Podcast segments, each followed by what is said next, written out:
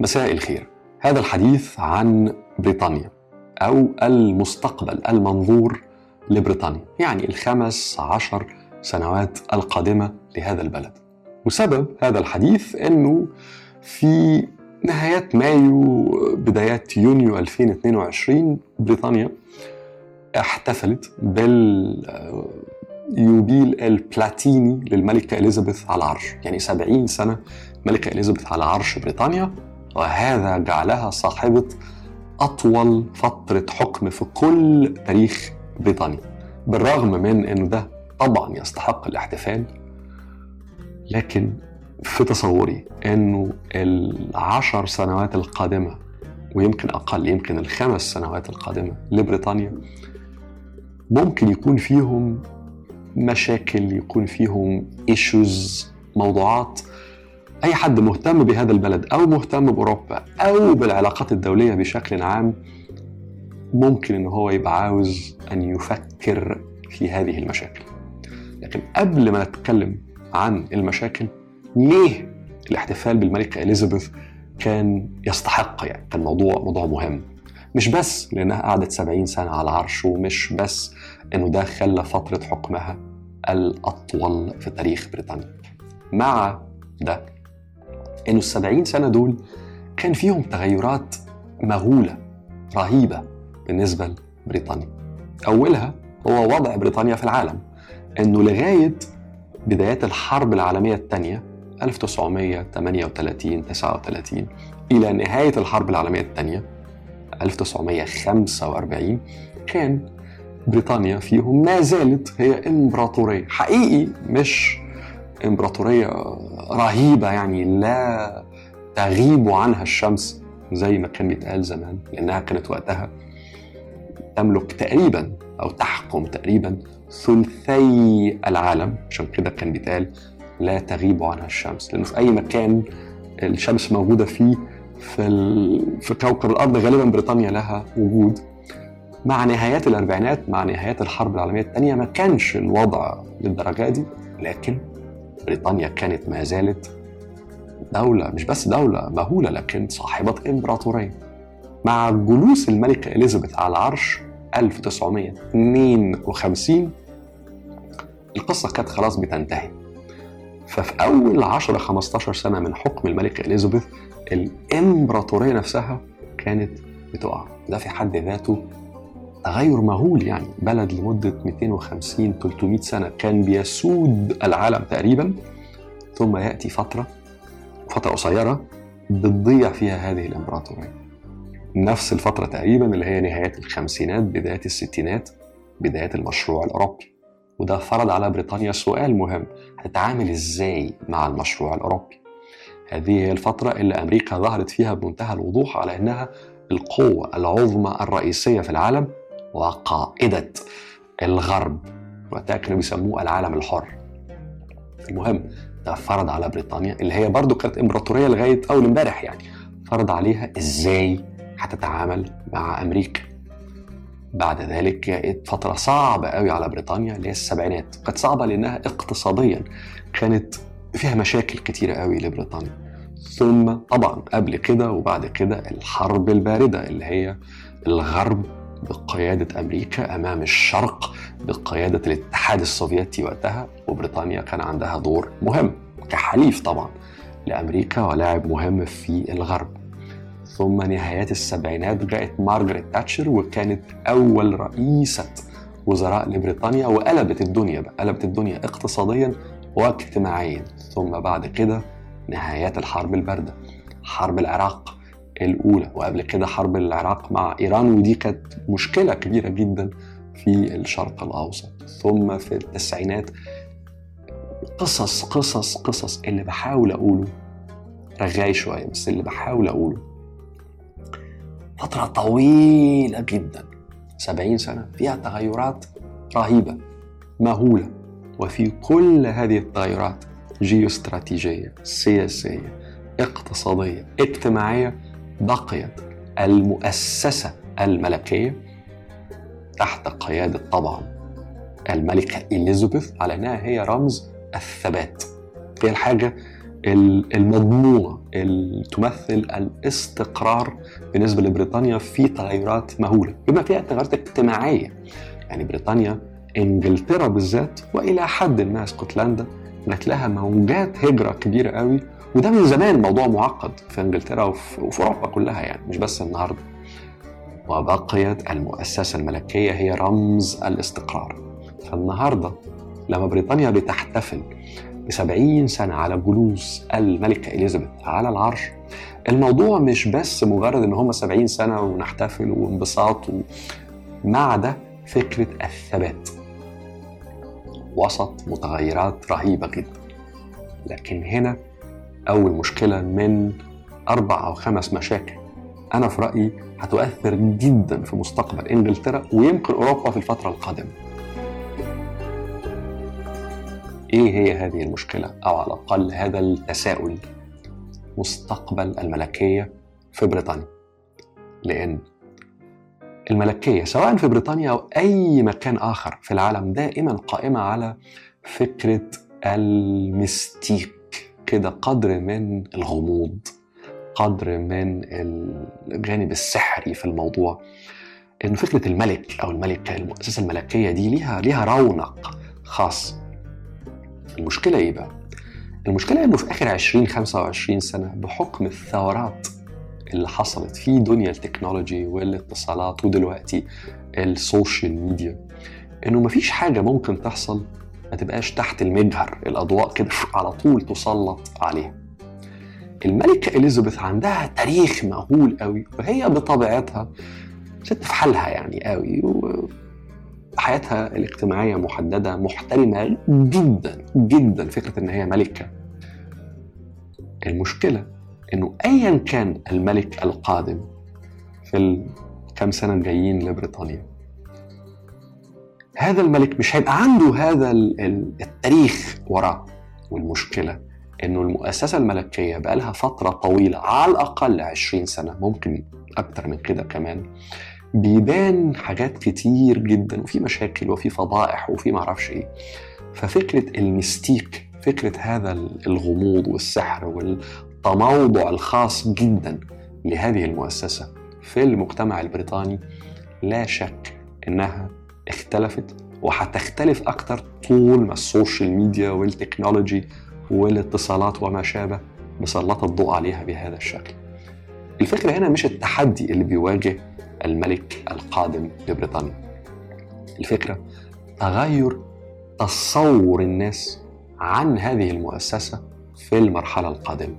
اللي يهمنا هنا إنه مؤسسة بيلر رمز وقيمة كبيرة واحد من أعمدة فكرة الدولة البريطانية نفسها.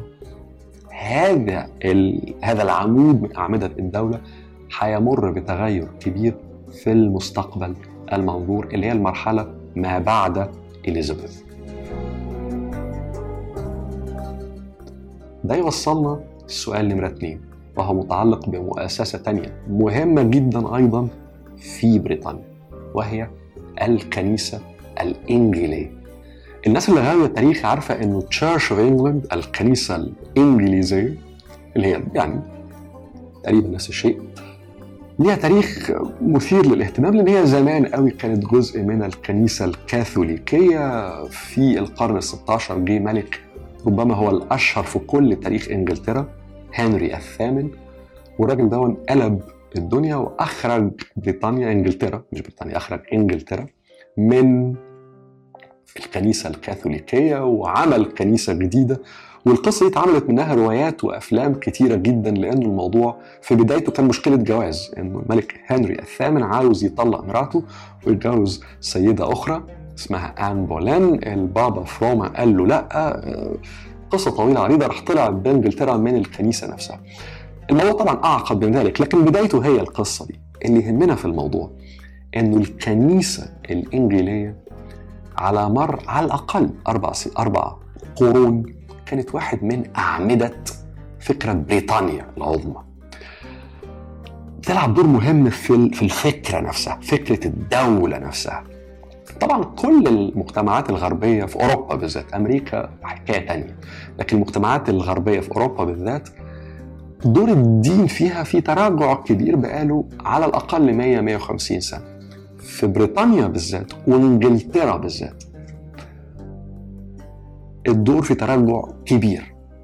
لكن الكنيسة الإنجيلية كنيسة ذكية جدا استطاعت بشكل أنا في رأيي ناجح قوي في العشرين سنة اللي فاتت إنها تطور من أسلوب التخاطب بتاعها.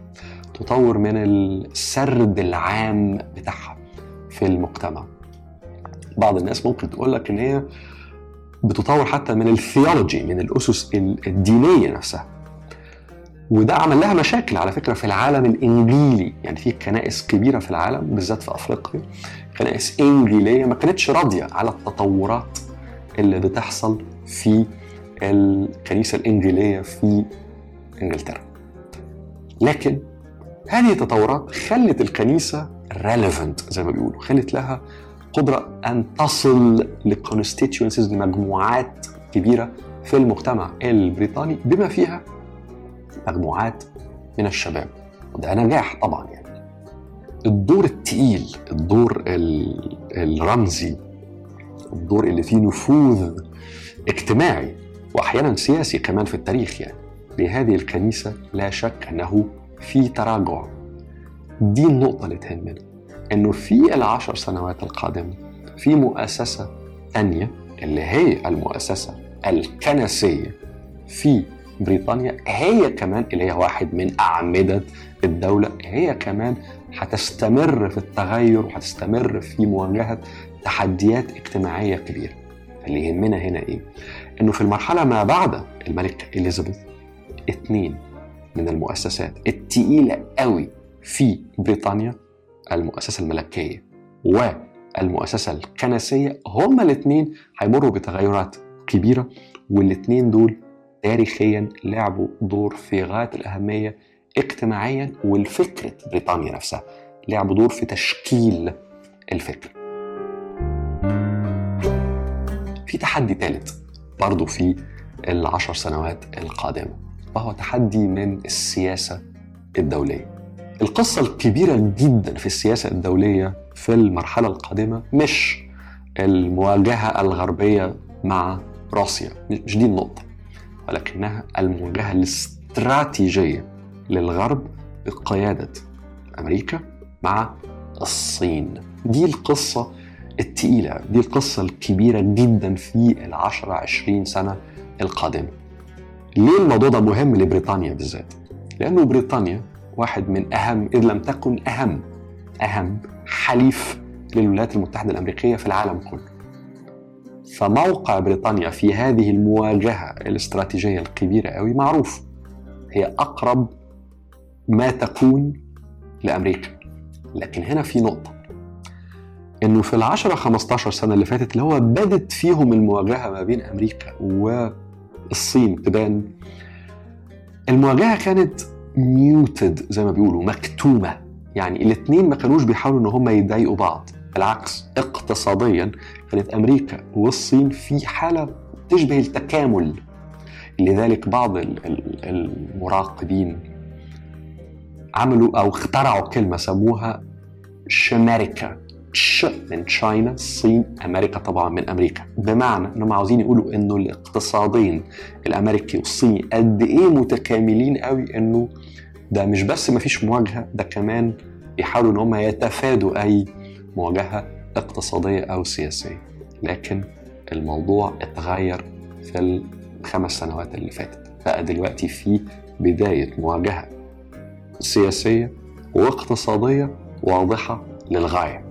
للغاية وللمهتمين بالموضوع دراسة اللي بيحصل في بحر الصين الشرقي East China Sea وبحر الصين الجنوبي South China Sea في غاية الأهمية وبالذات ملف العلاقة ما بين الصين وتايوان ودور الولايات المتحدة الأمريكية في القصة دي.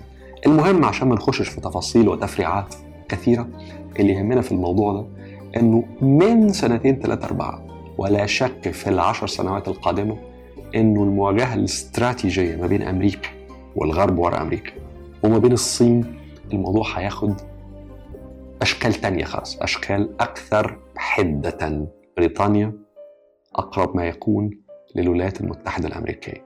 معنى ذلك إنه كل واحد من الاثنين أمريكا والصين هيحاول أن يفرض كوست تكلفة. على الآخر وعلى الحلفاء بتاع الآخر.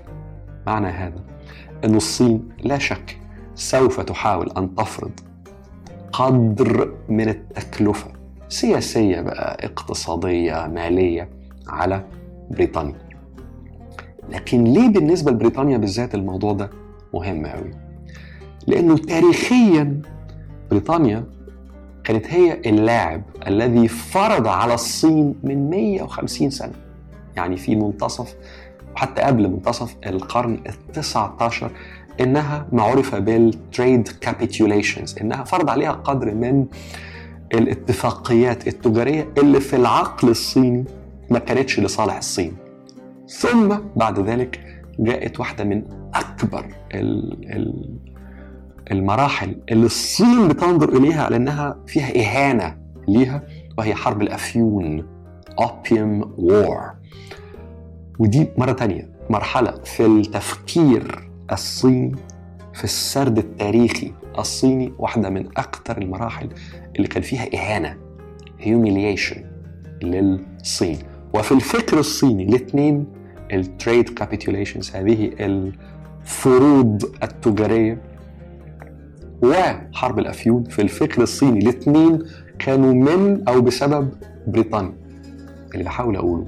إنه في المرحلة القادمة اللي فيها مواجهة كبيرة مواجهة استراتيجية كبيرة ما بين أمريكا وما بين الصين بريطانيا أقرب ما تكون للصين الصين سوف تحاول أن تفرض cost تكلفة على الحلفاء بتاعة بتوع أمريكا وأولهم بريطانيا لكن ده كمان بريطانيا في العقل الصيني هي في في تاريخ في قصص ورانا فهيبقى في يمكن محاولة لفرض cost أعلى شوية تكلفة أعلى حبتين على بريطانيا. فهنا في تساؤل كبير. إذ لم يكن مشكلة أمام صانع القرار البريطاني هو هيتعامل إزاي مع الصين في المرحلة القادمة؟ في مشكلة رابعة وهي متعلقة بنجاح. يعني إنه الناس اللي غاوية السياسة هيبقوا عارفين إنه مارغريت تاتشر كانت سيدة مهمة يسموها the Iron Lady السيدة أو المرأة الحديدية لأنها لعبت دور مهم جدا في مواجهة الاتحاد السوفيتي وكانت قريبة قوي من رونالد ريغن الرئيس الأمريكي وقتها وواحدة من الناس اللي لعبوا دور مهم في إنهاء الحرب الباردة وانتصار الغرب في الحرب الباردة. ست مهمة قوي في التاريخ. لكن حتى سياستها الاقتصادية اللي كانت وقتها في مشاكل كبيرة جدا داخل بريطانيا بسببها نجحت. والناس اللي جم بعديها اللي هم ما عرفوا بال New Labour حزب العمال الجديد بقيادة توني بلير ثم من بعده جوردن براون. هم كمان في عليهم أخذ وجذب وشد ورد وفي في العالم العربي. توني بلير بالذات في دايما تساؤلات حوله لأن هو لعب دور في غاية الأهمية في حرب العراق الثانية 2013 مع جورج دبليو بوش. لكن بغض النظر عن الأدوار السياسية الكبيرة قوي الاثنين مارغريت تاتشر وحزب العمال الجديد New Labour وبالذات تحت توني بلير الاثنين اقتصاديا نجحوا جدا نجحوا إزاي؟ إنه بريطانيا في السبعينات كانت في مرحلة اقتصادية ومالية سيئة للغاية لدرجة إنه بريطانيا اضطرت إن هي تروح عند صندوق النقد الدولي عايزة مساعدة الصندوق بعد 40 سنة كانت بريطانيا في غاية النجاح الاقتصادي والمالي. مش بس واحد من أهم وأكبر الاقتصاديات في العالم. ده بالإضافة إلى ذلك عندها competitiveness قدرة تنافسية كبيرة جدا سواء في صناعات عملاقة أو في صناعات لتصوغ المستقبل. زي ال artificial intelligence الذكاء الصناعي كل ال advanced physics العلوم الطبيعية المتقدمة للغاية ودي في غاية الأهمية.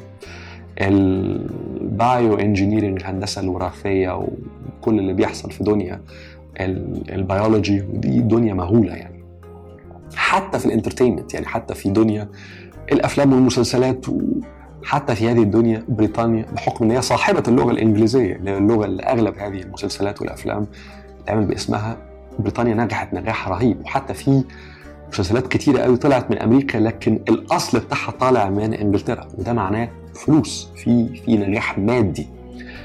اللي بحاول أقوله إنه في الأربعين سنة اللي فاتت بريطانيا سواء بحكم سياسات مارغريت تاتشر أو نتيجة لسياسات New Labour حزب العمال الجديد ايا كان نقلت نفسها قوي من دولة كان عندها مشاكل اقتصادية ومالية تقيلة. في السبعينات إلى دولة ناجحة قوي. في الألفينات. لكن في هذه الفترة حصل زيادة رهيبة في ال inequality عدم التكافؤ أو التوازن الاجتماعي الاقتصادي. بقت في أماكن في إنجلترا في الجنوب بالذات الجنوب الشرقي لندن وما حولها غنية بشكل رهيب. بينما في أماكن أخرى في البلد في الشمال مثلا أو بره إنجلترا في اسكتلندا في ويلز في أيرلندا. فيها فقر حتى بمقاييس يعني مش بس بمقاييس بريطانيا بمقاييس أكبر من مقاييس بريطانيا. فبقى في في فرق كبير قوي فروق اجتماعية واقتصادية تقيلة قوي ما بين أماكن في بريطانيا وأماكن أخرى. وده جديد. حجم الفروقات كبير قوي ولذلك هو ظاهرة جديدة ولذلك في غضب ظاهر في بريطانيا. الناس تقول لك الغضب اصله المهاجرين واصله بعض سياسات بعض السياسيين في الحزبين سواء حزب العمال أو حزب المحافظين اللي هم الأحزاب الرئيسية في بريطانيا. كل ده صحيح لكن في غضب سببه الرئيسي لا شك إنه في قدر من عدم الثقة distrust في مش بس بعض السياسيين لكن فيما هو أوسع من ذلك. في النظام في, في الإطار العام في الاقتصاد السياسي زي ما بيقولوا. ده شيء جديد في بريطانيا. آخر حاجة بقى آخر مشكلة أو آخر موضوع إنه تقليديا تقليديا الناس اللي يعرفوا بريطانيا وبالذات إنجلترا عارفين إنه دايما هذه المنطقة أو هذه البلد فيها ثقة رهيبة رهيبة يعني. دايما ساتل يعني دايما كده ما تظهرش قوي لكن لما تبتدي تتكلم معاهم وتفهم المؤسسات بتاعتهم وإزاي هذه المؤسسات بتشتغل الواحد بيدرك إنه في ثقة رهيبة في هذا البلد يعني في عمق هذا البلد. ثقة في ال... في نظام الحكم ثقة في ال governance الحوكمة زي ما يسموها اللي هي أسلوب الحكم أسلوب شغل المؤسسات ثقة في المؤسسات نفسها. في ال civil service اللي هي ال... ال... ال... الإطار التنفيذي للحكومة في الجامعات التقيلة في آه، في ال civil society في المجتمع بشكل عام. ثقة بالنفس حتى المجتمع نفسه شايف شايف إنه أسلوب حياته أسلوب ناجح. ثقة في تاريخه ودي نقطة مهمة قوي يعني بينظر لتاريخه مش بس برضا ولكن بفخر. حاجات هذا المجتمع أي حد عرفه كويس يعرف إنه كان فيه تقليديا قدر كبير قوي من الثقة بالنفس ومن الثقة بنفسه بالمجتمع نفسه. هذه الثقة اهتزت في ال 10 20 سنة اللي فاتت لأسباب كتير لكن واقع الأمر إن هي النهارده مش زي ما كانت قبل ذلك.